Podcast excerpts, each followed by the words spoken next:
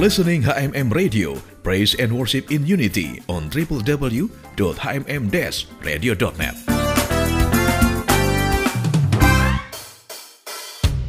Sobat HMM, maraknya penyalahgunaan narkoba terutama oleh generasi muda saat ini sangat membahayakan keberlangsungan hidup bangsa ini di kemudian hari.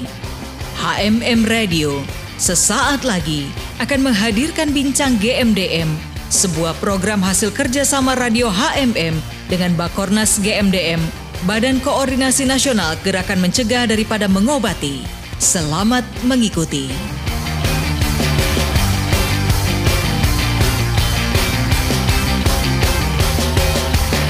Dari kawasan Sentul Bogor, Indonesia, HMM Radio Praise and Worship in Unity. Shalom Sobat HMM di mana pun Anda berada. Senang sekali saya Obed boleh hadir untuk menemani Anda dalam talk show dengan GMDM Garda Mencegah dan Mengobati. Dan Sobat HMM, hari ini kita akan membahas topik mengenai mengerti dan memahami hukum karena banyak sekali kita tidak mengerti mengenai namanya hukum apalagi untuk mereka yang terlibat dalam penyalahgunaan narkoba. Nah, hari ini bersama saya sudah ada narasumber yang tentunya bergerak di bidangnya. Ya, saya akan menyapa yang pertama kali. Apa kabar nih, Mbak Sri Afriani, Mbak Apri? Alhamdulillah baik kabarnya. iya, baru pertama kali nih kita berjumpa dan talk show di Ya, GMDM Betul, ya. pertama kali banget nih. Banget ya. Tapi kayaknya antusias banget ini Ya. Mbak Apri. Kemudian Mbak Apri nggak sendirian, ada juga rekannya dari GT Law Firm. Selamat bergabung untuk Jesslyn. Halo, ya puji Tuhan saya baik ya. Nama saya Jesslyn, saya baru bergabung di JT Law Firm. Iya. Nah, Jesslyn eh, bergabung di GT Law Firm. Dengan usia yang muda ini, Jesslyn udah bergabung di badan hukum ini luar biasa ya. Nah, Iya. kalau Jesslyn ini udah berapa lama nih? Kebetulan saya masih baru, baru dari bulan Agustus bergabungnya. Mhm. Dan kebetulan juga saya masih baru banget lulus kuliah. Jadi baru banget dia terjun di sini. Hmm, gitu ya. Tapi kan dapat kesempatan yang sangat baik ini, nggak mau disia-siakan pastinya Jesslyn ya. Betul. Nah, eh, sekarang saya coba ke eh, Mbak Apri. Kalau Mbak Apri udah berapa lama nih di GT Law Firm sendiri? Eh, kurang lebih sama sama Jesslyn. Oh sama ya, jadi bulan Agustus juga ya. Ya. Heeh. Tapi banyak hal juga yang sudah di apa? Dilewati bersama-sama GT Law Firm pastinya. Ya, eh, alhamdulillah dikasih kesempatan yang sebesar-besarnya. Jadi kita bisa terus eh, mendampingi, terus mengikuti perkembangan kasus, terutama tentang narkoba ya. Eh, kita banyak belajar juga sih intinya seperti itu. Ya, yang pastinya belajar terus. ya, belajar ya. terus, menggali terus, eh, memperdalam pengalaman terus, seperti itu. Ya, yang pastinya memang khusus di bagian hukum gitu Ya, ya. betul. Nah, di antara kedua narasumber kita ini juga ada narasumber yang pastinya Anda sudah familiar. Biarin aja lah nyebut namanya sendiri. Nah, suaranya kalau udah ketawa udah ketahuan tuh siapakah dia? Apa iya, kabar Bung Ibob? luar biasa Luar Bung Obed. biasa. Seneng banget ya kita ya malam ini ya. Hari ini kita seneng banget ya. Pastinya kita Karena eh, kita lihat bahwa kedua narasumber kita spesial Ya, tentang hukum ya Bung Obed ya. betul sekali. Jadi penasaran nih Bung Obed ya. Banget. Karena Saya penasaran pendengar juga pasti Iya, penasaran. karena banyak kasus yang melibatkan para pecandu narkoba ini tidak mengetahui hukum-hukum yang ada, Iya. ketidakmengertian termasuk keluarga-keluarga mereka. Nah, hari ini kita mau bahas dari kita LKBH GMDM Iya. dan GT Firm. Yang pastinya ini ada pemahaman untuk membuka pola pikir pendengar biar Betul tahu sekali. mana yang bisa That's right. yang diambil khususnya untuk keluarga-keluarga yang mungkin saja anggota keluarganya terlibat penyalahgunaan gitu ya. Bisa jadi ini juga jadi ini Bung Obed eh, warning atau peringatan dini. Betul. Iya, Bung. Sehingga eh, teman-teman di luar sana untuk bijak, arif, berhati-hati dengan hal ini. Iya, Karena ada hukumnya. betul. Betul sekali. Jadi sebelum kita nanti masuk lebih dalam, Anda tentunya siapkan diri juga nih sobat HMM. Yes. Mungkin volume radionya didengar apa ditambah lagi. Kencengin. Kencengin. Ini Bung Ibab ini dengan kesibukannya sebagai ketua DPD GMDM DKI DKI Jakarta. Jakarta. Saya selalu Betul. sebutkan itu supaya orang lebih familiar gitu. Betul sekali. Jabatannya maksudnya ya. oh gitu ya. Bukan Iya. kalau namanya udah familiar. Bukan suaranya kali familiar ya. Iya, familiar, iya, iya. jabatannya. Iya, sekarang saya coba ke Mbak Apri. Nah, tadi sudah perkenalan sedikit ya Ya. mengenai Mbak Apri dan juga Jesslyn yang baru pertama kali menjadi narasumber dalam talkshow kita hari ini. Nah, bisa nggak Mbak Apri ceritakan sedikit dong pengalamannya saat di pengadilan mungkin mendampingi eh, mereka yang ibaratnya dituntut secara hukum ini? Ya. Eh, kalau secara pengalaman memang saya beberapa kali sudah mendampingi klien ataupun korban penyalahgunaan narkoba sebagai eh, terdakwa ya. Dan itu memang kita mesti fight di lapangan di pengadilan. Karena kan kalau dituntut secara hukumnya kan rata-rata eh, dituntutnya tidak pasal pengguna. Tapi jatuhnya yang memiliki barang itu kan jelas itu tuntutannya atau hukumannya di atas satu tahun seperti itu. Sedangkan kalau dia dituntut eh, dengan pasal pengguna 127 itu bisa direhab seperti itu Direhab, ya. ataupun hukumannya kan kurang dari satu tahun. Nah, kendalanya apa aja nih pada saat eh, pastinya Mbak Apri kan eh, persiapkan diri nih Iya. untuk mendampingi. Apa aja kendalanya? Kalau kendala, kalau eh, dalam tahap penyidikan memang harus eh, dilakukan asesmen, ya. Karena dengan asesmen itu kita bisa membuktikan bahwa eh, si korban ini adalah benar-benar eh, orang yang salah, orang yang korban penyalahgunaan narkoba, bukan sebagai pengedar ataupun bandar. Karena eh, kita juga mesti lihat barang bukti yang dimiliki itu berapa. Kalau dia di bawah satu gram itu kan kategorinya sebagai eh, ini pemakai, seperti itu. Iya. Nah, mereka yang mengalami apa penyalahgunaan narkoba ini apakah langsung dengan sendirinya melapor kepada GT Law Firm untuk didampingi atau eh, memang GT Law Firm sendiri yang mendap- mendengarkan kasus terus menawarkan diri atau bagaimana itu? Oh, kita lebih sering eh, mereka datang sendiri ke kita. Hmm, Ya. Dari pihak keluarga gitu Dari ya. pihak keluarga tentunya karena kan eh, karena memang kita sudah lumayan terkenal untuk urusan narkoba Luar punya biasa ya. Ya. GT Law Firm sobat GT FM. Law Firm. Iya, GT Law Firm ya cukup cukup dikenal ya memang ya, apalagi yang namanya narkoba karena memang eh, bersanding juga dengan GMDM gitu ya. Betul. Hmm. Iya, jadi memang eh, GT Law Firm ini memang selain narkoba emang ada lagi yang didamping yang lain. Oh, kita banyak. Seperti kasus tanah, perceraian, Oh. eh, asusila kita tanganin semua. Tanganin semua, ya. Iya. Kasus perdata pun kita tanganin. Hmm, jadi luas. Luas, kita nggak cuma di lingkup pidana narkoba aja. Walaupun memang kita memang cukup terkenal untuk kalangan narkoba. narkoba ya. Nah, saya mau tanya ini Mbak Pri, maaf nih agak melenceng sedikit. Kalau dengan LKBH itu, apakah itu eh, sama? Karena kan itu memang eh, GMDM juga kan ada kerjasama apa mitra atau bagaimana itu? Eh, lebih ke kerjasama ya karena kan eh, setiap ini ya kalau saya nih eh, bikin pledoi untuk para pengguna narkoba pasti saya masukin untuk diminta direhab di IPWL GMDM Oh, seperti begitu, itu ya. Iya. Jadi memang langsung dibuatkan langsung di pledoi kita eh, langsung Hmm, jadi langsung diarahkan langsung diarahkan untuk Direhab. direhab untuk para pengguna ya hmm, khususnya mereka penyalahgunaan narkoba penyalahgunaan itu. korban Iya, nah itu sedikit pengalaman ya Iya. yang dihadapi Mbak Apri. Nah kalau Jesslyn sendiri yang tadi masih baru juga katanya, gimana pengalamannya mendampingi eh, di pengadilan gitu mereka yang melakukan penyalahgunaan narkoba? Iya. Ada kendala nggak atau deg-degan nggak? Iya, karena kebetulan saya tuh belum bisa beracara dan jadi saya beberapa kali ikut mendampingi Bu Afri.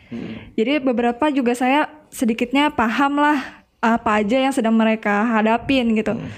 Ya kalau kendalanya paling mungkin dari keluarga maunya maunya dibebasin. Eh, padahal belum juga terbukti dia akan pengguna kah atau mungkin dia pengedarnya. Tapi kalaupun memang dia pengguna, pasti kita fight untuk direhab. Jadi memang kalau pengguna jadinya dari GT Law Firm fight untuk supaya mereka ini jangan ditahan Jangan gitu ya, tahan. Uh, uh, tapi direhab karena mereka itu kan korban, begitu iya, Jesslyn ya. Nah, pada saat mendampingi itu pernah nggak sih kayak misalnya mereka yang eh, jadi klien ini mereka curhat gitu, ngobrol gitu, kenapa sampai mereka bisa terlibat gitu loh Oh, iya. dengan penyalahgunaan narkoba ini? Iya. Pernah nggak? Pernah sih ada beberapa juga kayak gitu. Dan ada beberapa yang mungkin dari latar belakang keluarganya bermasalah, dia mungkin stres atau gimana. Ada juga yang dia pakai cuman sekedar untuk have fun aja eh, karena pergaulan teman-temannya. Ya cuman seperti itu itu juga sih. Hmm, Nggak jadi juga. karena pergaulan juga, Ya, karena dia juga stres situasi. ya situasinya. Nah, ini kan lagi pandemi nih, Jesslyn. Ya, Lebih banyak mendampingi saat situasi pandemi atau sebelum pandemi nih? Kan Apa sama aja? sama aja sih. Sama aja Sama ya. aja. Mm-mm. Like, Walaupun kita kalau lihat berita ini kebanyakan luar biasa juga ya. ya mau pandemi nggak pandemi kasusnya itu-itu juga sama, sama. juga ya. Nah kalau Bung Ibob coba Bung Ibob sekarang nih, kan kita tahu nih banyak kasus yang terjadi Justru- di hari-hari ini. Nih. Justru eh, hari-hari ini sejak pandemi justru meningkat. Hmm. Kasus-kasus itu meningkat karena tadi pemakaian itu mungkin mereka stres, galau di masa pandemi nggak bisa ke mana-mana. Mereka lebih stres, jatuhnya ke sana. Jadi, sebenarnya mereka ini sudah pernah. Iya, jadi ada peningkatan eh, pemakaian atau penggunaan ini. Nah, makanya pun juga eh, kemarin kan ada banyak kasus terbongkar ketangkapnya tentang eh, barang-barang narkoba itu yang mau di eh, apa diedarkan ataupun terbongkar ketangkap. Dan hal ini kita bisa melihat bahwa setelah lihat dari bulan Januari ke Februari itu cukup tinggi. Jadi cukup tinggi ya. Betul Bisa sekali. dikatakan pada situasi pandemi ini Iya, nggak ngaruh. Hmm, tetap Malah aja ya. justru bertambah. bertambah. Karena mungkin efek dari ini semua. Jadi Berarti stres. Mbak Apri juga Jesslyn bersiap-siap nih untuk mendampingi lebih banyak nih. Pastinya. LKBH GMDM itu kan eh, kita sudah ada beberapa kerjasama dengan lapas, dengan rutan untuk mendampingi kan.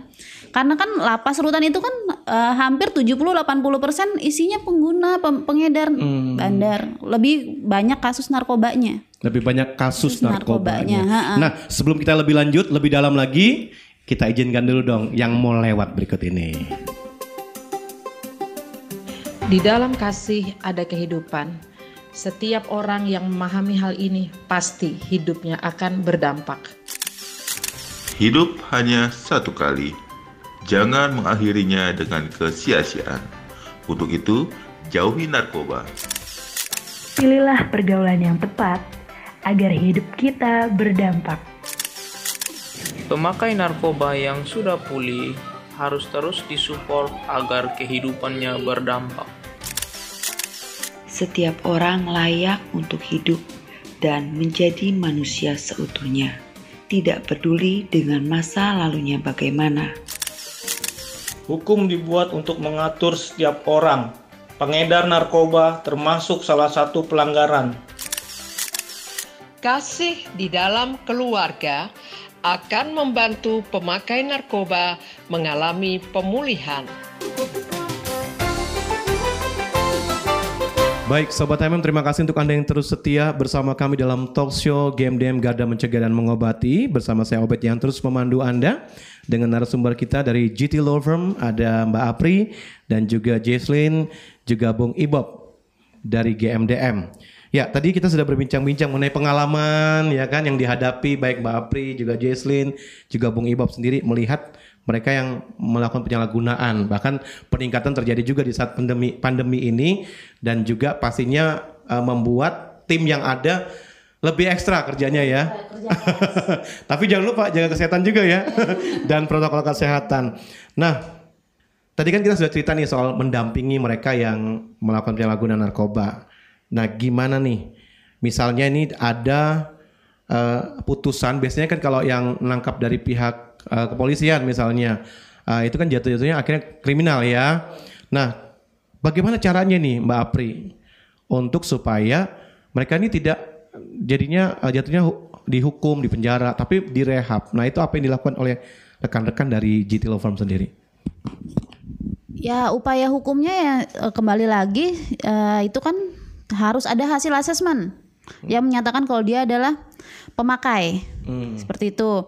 Tapi ketika memang ada case yang kita eh, tidak ada hasil asesmennya, toh akhirnya mereka dihukum tahunan kan misalnya 3 4 tahun kan kayak gitu. Tapi kan masih ada upaya hukum lainnya seperti banding, kasasi, peninjauan kembali. Sa- Dan saat ini pun saya memang ada beberapa menangani untuk peninjauan kembali agar mereka bisa dikurangi masa hukumannya kan.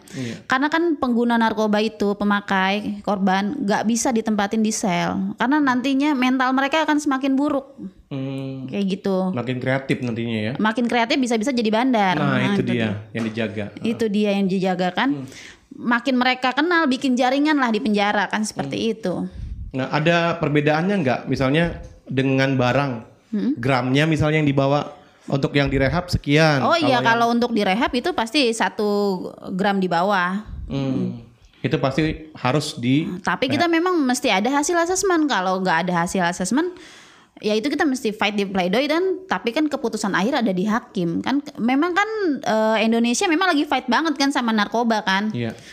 Ya karena kan memang hampir sebagian besar case-nya itu kan narkoba. Makanya kan eh, kalau barang buktinya juga udah banyak main hukum mati aja kan mendingan kan kayak gitu karena kan merusak generasi bangsa banget kan. Tapi kan kalau si korban ini kan kita masih bisa selamatin kayak gitu. Makanya kita selalu bilang kalau untuk pengguna tuh kita usahakan untuk rehab supaya mereka bisa punya masa depan yang lebih baik, kehidupannya lebih baik lagi. Eh, ya pergaulannya mungkin mereka bisa milih-milih lah akhirnya kan karena kan kebanyakan eh, pengguna itu juga situasional ya.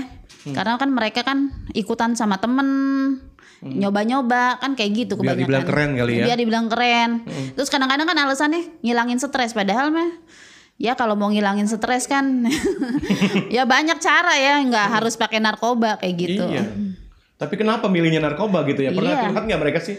Ya narkoba? ada sih mungkin ada yang kemarin sih ada satu case eh, curhat kenapa sih pakai narkoba gitu kan? Ya biasa ada karena udah nggak kerja dia bilang kayak gitu. Nah terus dapat duit dari mana? Nah makanya minta lah sama kakak dia bilang kayak gitu. Terus buat beli narkoba, iya harus mah buat makan kan kayak gitu Mm-mm. kan. Terus ya selain dia udah diputus kerja, masalah rumah tangga gitu kan ada juga. Iya.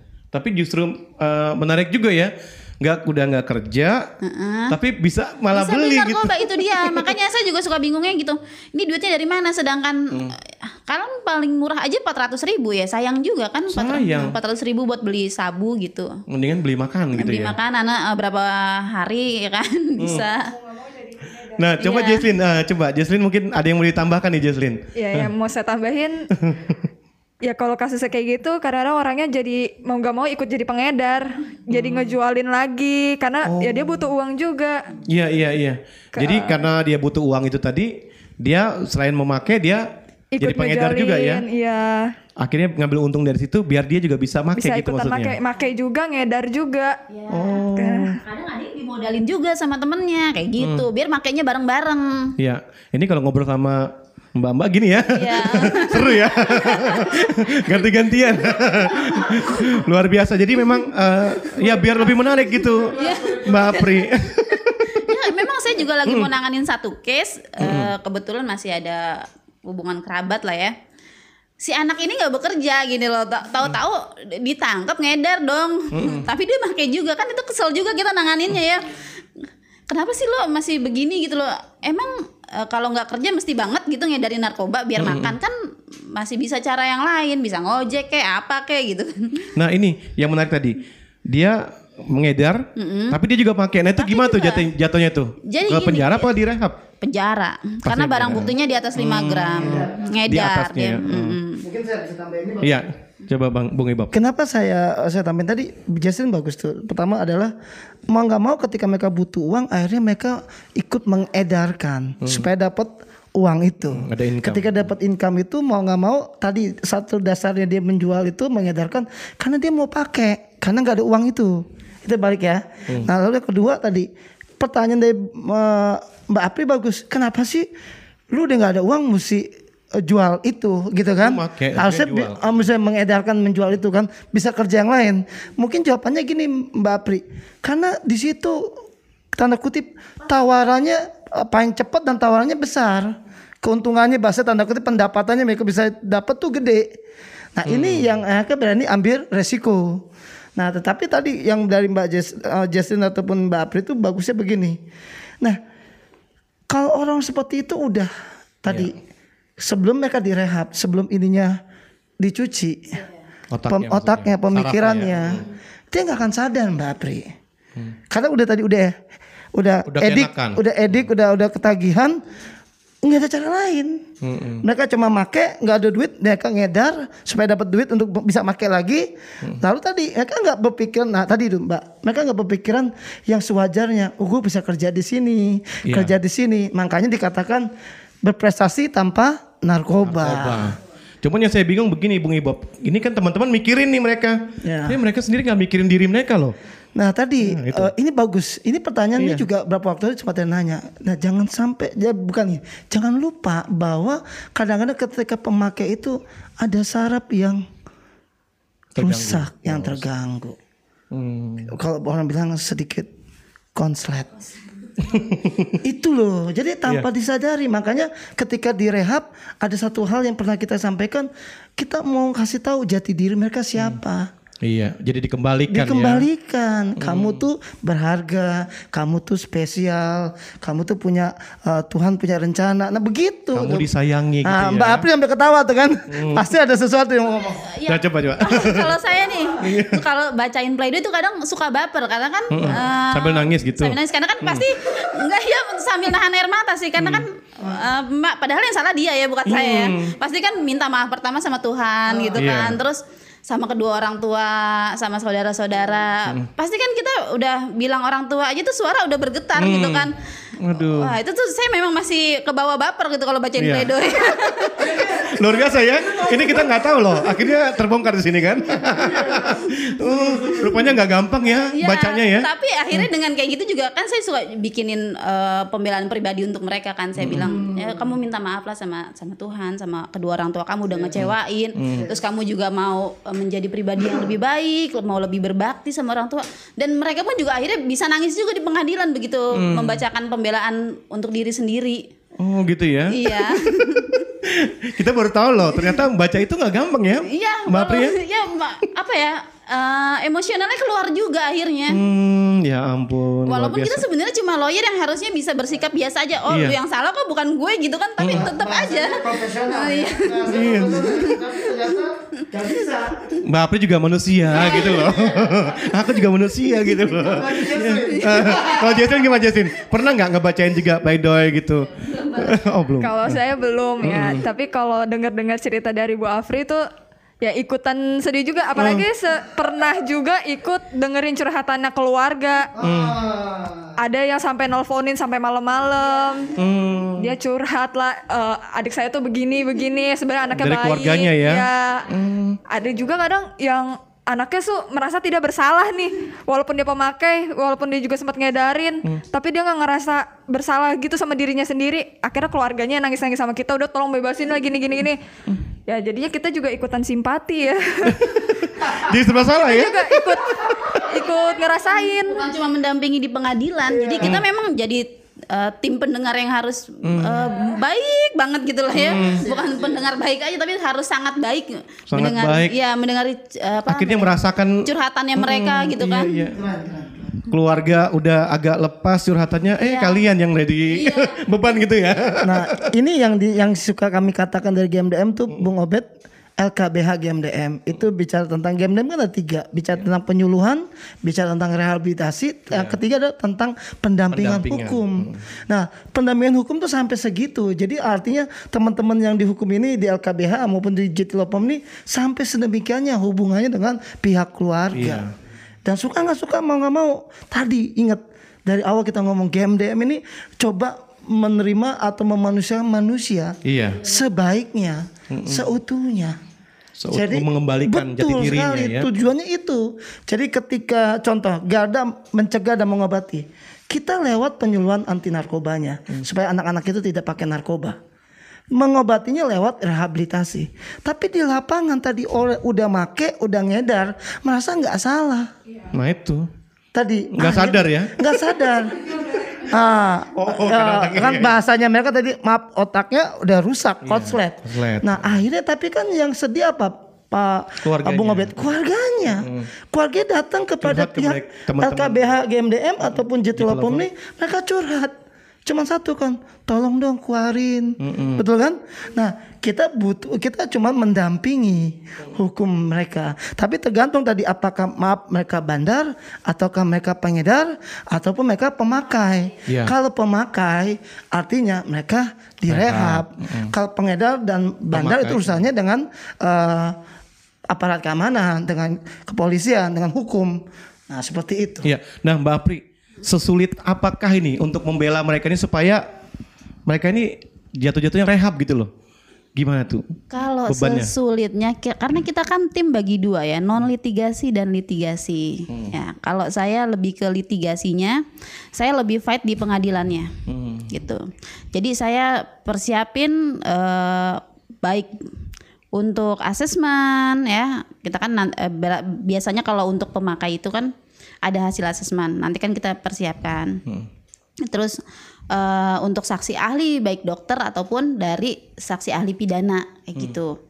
Lebih eh, ini sih lebih bagus ada saksi ahli dari dokter. Jadi memang eh, bisa diuraikan di pengadilan bahwa nih anak bener-bener nih eh, seorang pemakai gitu.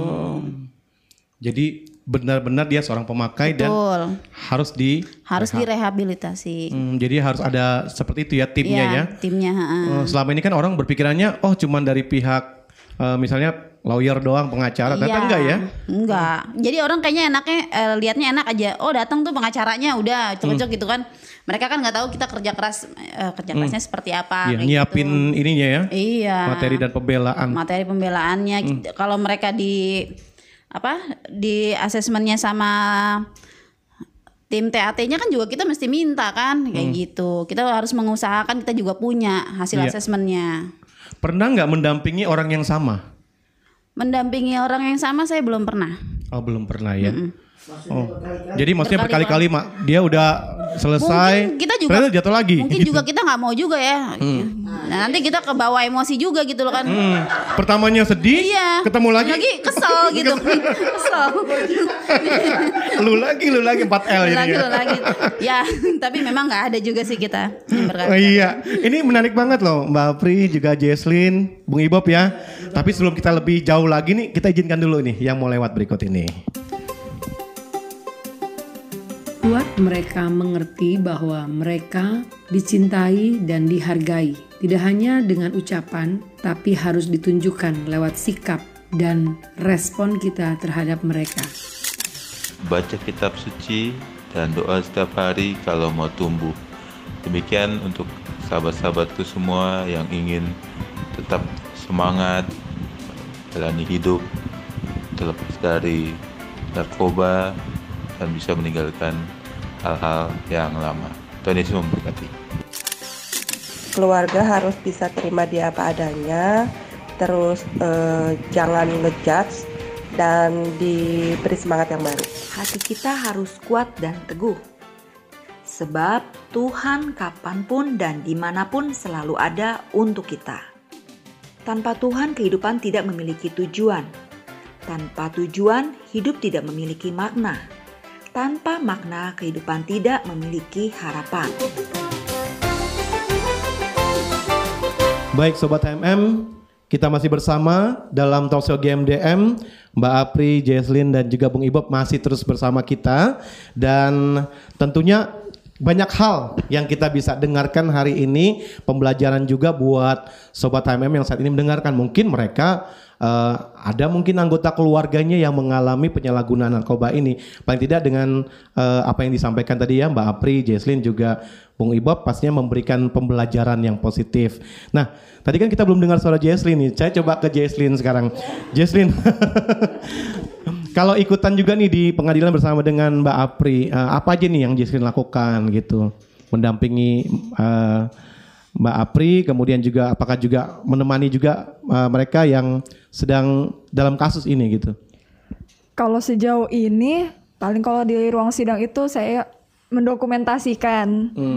Terus kalau misalkan kita lagi mendampingi di luar di luar ruang persidangan ya, kayak ketemu keluarganya ya, saya ikut untuk ngasih masukan. Harusnya tuh anaknya begini-begini. Atau nanti kalau misalkan anaknya atau keluarganya yang udah udah diputus nih sidangnya, ya kita kas, ga- bantu kasih solusi supaya anak ini dikeluarkan dari pergaulan-pergaulan dia yang nyerempet sama narkoba itu. Hmm. Jadi jangan sampai anak ini malah nanti masuk lagi gitu. Iya. Ini putusannya maksudnya apa nih? Direhab gitu maksudnya ya? Iya bisa juga direhab, Mhm. Eh, bisa juga yang komi- memang dia di di penjara berapa Mhm. tahun gitu. Iya. Tapi misalnya sudah ada putusan begitu dari eh, teman-teman GT Law Firm ini apakah masih terus ada komunikasi atau udah selesai gitu? Masih masih sekarang juga kita kalau udah putusan pertama eh, ngajuin banding juga, kayak ngajuin kasasi juga ya. Hmm. Ada juga soalnya kita lagi ngurusin yang kasasi ya. Oh, jadi tetap ada komunikasi ya? Tetap tetap. Oh, rutin juga ya? Iya, kita tetap mengunjungi, ngasih semangat tetap. Wih, jadi kayak keluarga juga dong ya? Iya harus dong, harus, harus. Kalau mereka memang eh, tuntut apa putusannya rendah, bisa langsung keluar ya berapa apa jeda dua minggu atau satu bulan, pasti kita ikut jemput kok untuk pembebasan mereka. Kita Oh. dampingi. Ada pendampingannya juga dari Iya, Law Firm ya? Nah, eh, berapa lama sih dengan apa persidangan yang dilakukan untuk penyalahgunaan narkoba ini? Kira-kira berapa lama itu sampai putusan?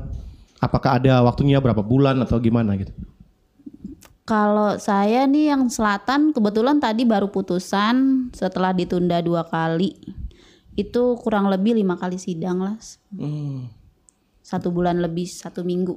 Oh bisa sampai selama Eh, itu ya? Ada yang lebih lama. Hmm. Waktu kita pernah nanganin anak pejabat punya ya. Hmm. Itu untuk tuntutan aja kita ditunda 7 sampai 8 kali. Hmm.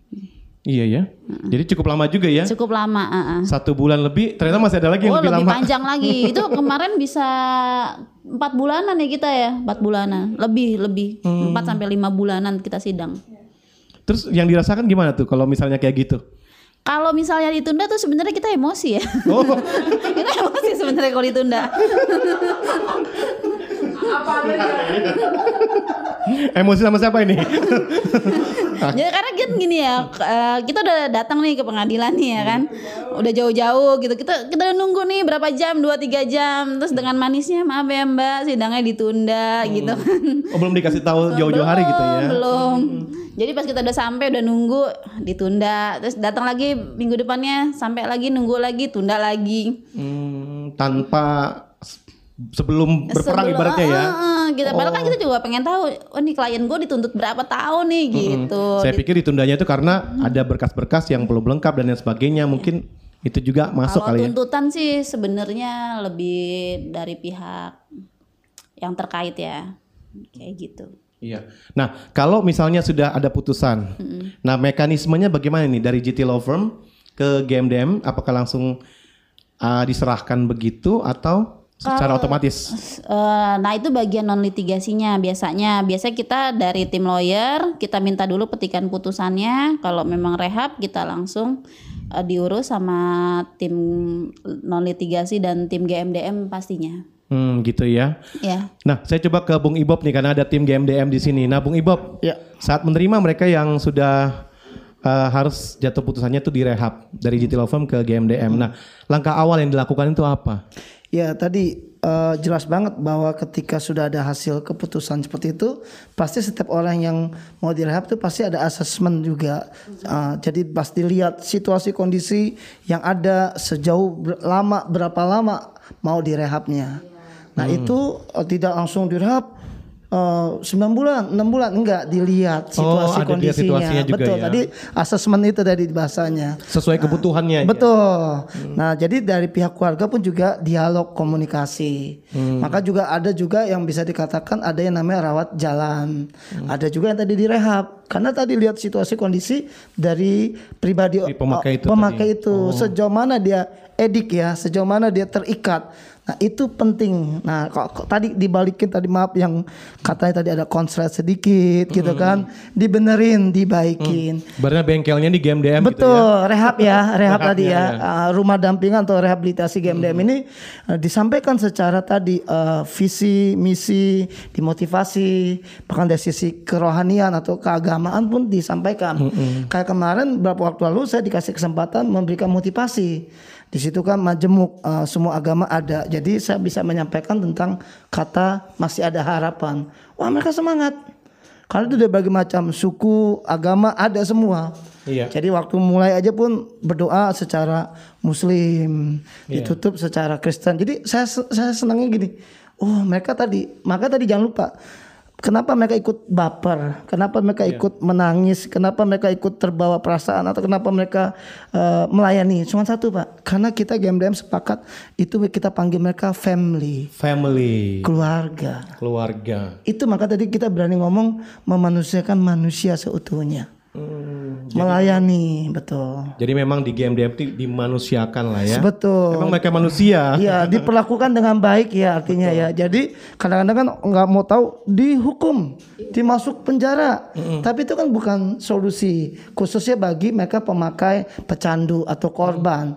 Nah, itu Nah kadang-kadang ada keluarga yang tidak mengerti, jadinya ngejudge-nya seperti itu, Bung Ibob. Iya. Ya kan? Begitu ada keluarganya terlibat penyalahgunaan, Iya. Larinya bukan ke rehab dulu, tapi ya itu kan. Betul. Nah, makanya inilah perlunya edukasi ke teman-teman, ke Hmm. Betul. masyarakat. Makanya ada GMDM, ada penyuluhan anti narkobanya, Iya. ada informasi tentang rehabilitasinya, bahkan tadi ada pendampingan hukum. Betul. Nah itu luar biasa. Nah saya coba ke Jesslyn sekarang Jesslyn. Ini kan banyak yang di luar sana itu kan tidak tahu eh, sebenarnya penyalahguna narkoba ini di mata hukum tuh harusnya bagaimana gitu. Nah silakan mungkin Jesslyn bisa Jesslyn maaf nih Jesslyn ya. Jesslyn bisa mengedukasi nih pendengar kalau penyalahguna narkoba ini begini loh harusnya gitu. Kalau korban penyalahgunaannya, kalau dalam konteks pemakainya, Iya pemakainya. kalau untuk pemakainya sejauh ini kan kita taunya pemakai itu kan korban yang memang harus direhabilitasi. Mm-mm. Dan kalau misalkan dia udah udah ditangkap, udah ditahan kayak gitu, eh sebisa mungkin, secepat mungkin kita bikin asesmennya, bikin eh, supaya dia bisa kita tarik untuk rehab. Karena kalau kelamaan di dalam sel juga, yang ada dia makin stres, Mm-mm. makin bisa jadi gila kali di dalam juga. Jadi memang harusnya keluarga juga tahu ya Iya. bahwa ini yang pemakai ini dia korban. Mm-mm. Jadi kalaupun tiba-tiba memang harus ditangkap harus juga lapor ya Iya ke betul. rehab. Nah, nanti sobat HMM saya akan sebutkan nih nomor GMDM supaya nanti pendengar juga tahu dan saat keluarganya seperti itu ya bisa langsung kontak ke GMDM. Paling tidak kan ada rekan-rekan GT Law Firm untuk mendampingi. Nah, kalau Mbak Apri sendiri bagaimana nih? Apa yang harus disampaikan ah, bisa disampaikan untuk pendengar nih biar mereka ngerti nih. Kalau untuk para pendengar ya jangan pernah mencoba narkoba walaupun cuma sekali karena itu kan efeknya besar Hmm. ya. Terus eh, untuk keluarga eh, juga semaksimal mungkin tidak membebaskan anak-anaknya mutlak bebas berkeliaran, bebas berteman dengan siapa saja siapa saja. Itu jangan sampai kayak gitu. Tetap harus dimonitor Hmm. eh, pergaulan anaknya seperti apa, perkembangan anaknya di luar kayak gimana. Karena salah satu eh, apa peran untuk kita menjauhi narkoba adalah kedekatan keluarga, Komunikasi ya. komunikasi yang baik dengan keluarga. Hmm. Karena kebanyakan orang-orang yang pemakai itu problemnya dari keluarga, Karena kurang komunikasi tadi. kurang komunikasi, kurang family time. Hmm, ya ya. Jadi karena tidak ada komunikasi dalam Iya. keluarga, akhirnya mereka ini ya. ya, mungkin kan kalau zaman sekarang beda ya sama zaman dulu ya. Kalau orang tua zaman dulu kan pasti anaknya mau ke mana ditanya mau ke mana gitu kan. Kalau orang tua zaman sekarang kan, oh ya udah main sama sini. Kalau nggak sibuk dengan gadget, dengan media sosialnya gitu kan. Sibuk dengan posting lagi begini lagi begitu. Padahal kan palsu juga kadang gitu ya. Iya. Menipu ya. Iya. Anak-anaknya nggak diliatin, tahu-tahu anaknya didatengin polisi Hmm, gitu kaget. aja. Datang tuh, tuh, tuh, sampai mau ditembak di tempat kan nggak lucu juga kan Hmm, orang betul. tuanya sampai nggak tahu nih anak Mm-mm. makan narkoba nih anak akhirnya jadi pengedar kayak gitu. Iya, jadi memang orang tua juga Iya Harus peran tahu. peran peran orang tua tuh sebenarnya sentral banget kayak gitu. Mm-mm, jadi memang komunikasi dalam keluarga itu jadi benteng pastinya Jadi ya. benteng betul. Karena kan memang GMDM seperti itu ya Bung Ibob ya.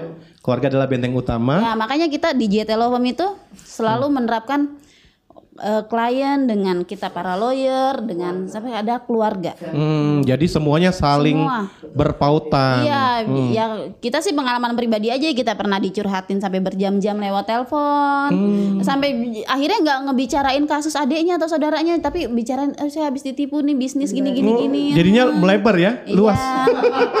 sampai kan karena ada yang belum pernah ketemu, bu nanti saya mau ketemu ya kalau eh, nanti kondisi udah lebih baik Hmm. gitu kan. Sampai ada yang bilang, oh ya saya mah udah anggap ibu deh anak deh gitu. Oh, ya udah. kalau orang tua ya. Jadi seru sih sebenarnya kerjaan Hmm. kita. Jadi lebih menikmati ya. Heeh, Ini menariknya gini intinya. Jangan pernah lupa bahwa GMDM dengan logonya itu ada tunas hijau dan Betul. tiga lingkaran Iya. merah. Jadi hubungan dengan Tuhan secara pribadi Betul. itu yang juga mengingatkan, menyadarkan, menjagai mereka untuk tidak berbuat dosa atau kesalahan. Ya. Kedua adalah lingkaran kedua keluarga. Keluarga adalah benteng utama pertahanan. Pertahanan. Baru yang ketiga adalah hubungan dengan pemerintah. Nah inilah yang sebenarnya dilakukan oleh GMBM dan GT Law Firm tentang bicara tentang kesatuan, bicara tentang family, Ya. keluarga seperti Mbak Apri dengan Jesslyn dan dengan semua kita keluarga. Bung Ibob, Mbak Apri juga Jesslyn ini menarik saya topik kita hari ini kayaknya tuh pengen terus tapi karena memang waktunya sudah tidak memungkinkan. Ya. Jadi sebelum kita tutup dengarkan dulu statement singkat aja Jesslyn untuk pendengar di luar sana. Oke, statement ini lebih ke pesan-pesan untuk generasi muda lah ya. Iya. Narkoba itu bukan media hiburan buat have fun uh, untuk menyelesaikan masalah kamu. Jadi nggak usah lah dicoba-coba yang ada nambahin masalah. Nah, apalagi efek ke depannya narkoba itu sangat-sangat tidak baik, sangat-sangat buruk untuk kerusakan otak, uh, hubungan dengan keluarga, hubungan dengan pertemanan, hidupmu jadi berantakan. Jadi untuk anak-anak muda jauhilah narkoba, dekatilah Tuhan. Luar biasa. Jauhi narkoba dekatinya Tuhan. Makasih Jesslyn. Kita akan tutup. Bung Ibob mungkin bisa tutup dalam doa. Mari kita berdoa. Bapak terima kasih buat siaran hari ini. Begitu luar biasa. Kami bersyukur buat narasumber yang ada. Kami juga bersyukur buat para pendengar yang mendengarkan. Kami percaya lewat pemahaman pemaparan yang ada setiap kami disadarkan tentang hukum yang ada sehingga kami menghargai menghormati dan hidup arif dan bijaksana dalam hidup ini. Kami ada dalam suatu layanan tatanan masyarakat yang ada hukumnya. Kami bersyukur buat HMM Radio Tuhan berkati. Di mana pun kami berada kami boleh diberkati oleh siaran ini. Di dalam nama Tuhan Yesus kami berdoa mengucap syukur. Haleluya. Amin. Amin. Terima kasih Mbak Apri, Jesslyn juga Bung Ibob untuk Yes. waktunya. Dan Sobat HMM Anda telah mengikuti perbincangan kami hari ini dengan topik mengerti dan memahami hukum. Dengan Mbak Apri dan juga Jesslyn dari GT Law Firm dan juga Bung Ibob dari GMDM dan Sobat HMM jika Anda eh, ingin mendapatkan informasi lebih lanjut dapat menghubungi di 0218661552. Sekali lagi Anda yang butuh informasi dari GMDM lebih lanjut dapat menghubungi di 0218661552. Nantikan perbincangan kami selanjutnya bersama GMDM dengan topik yang menarik seputar penyalahgunaan dan pemberantasan terhadap narkoba untuk menciptakan Indonesia bersih, bersinar, bersih dari narkoba. Sampai jumpa. Sobat HMM, Anda baru saja mengikuti Bincang GMDM, sebuah program hasil kerjasama Radio HMM dengan Bakornas GMDM, Badan Koordinasi Nasional Gerakan Mencegah Daripada Mengobati. Terima kasih atas kebersamaan Anda. Sampai jumpa.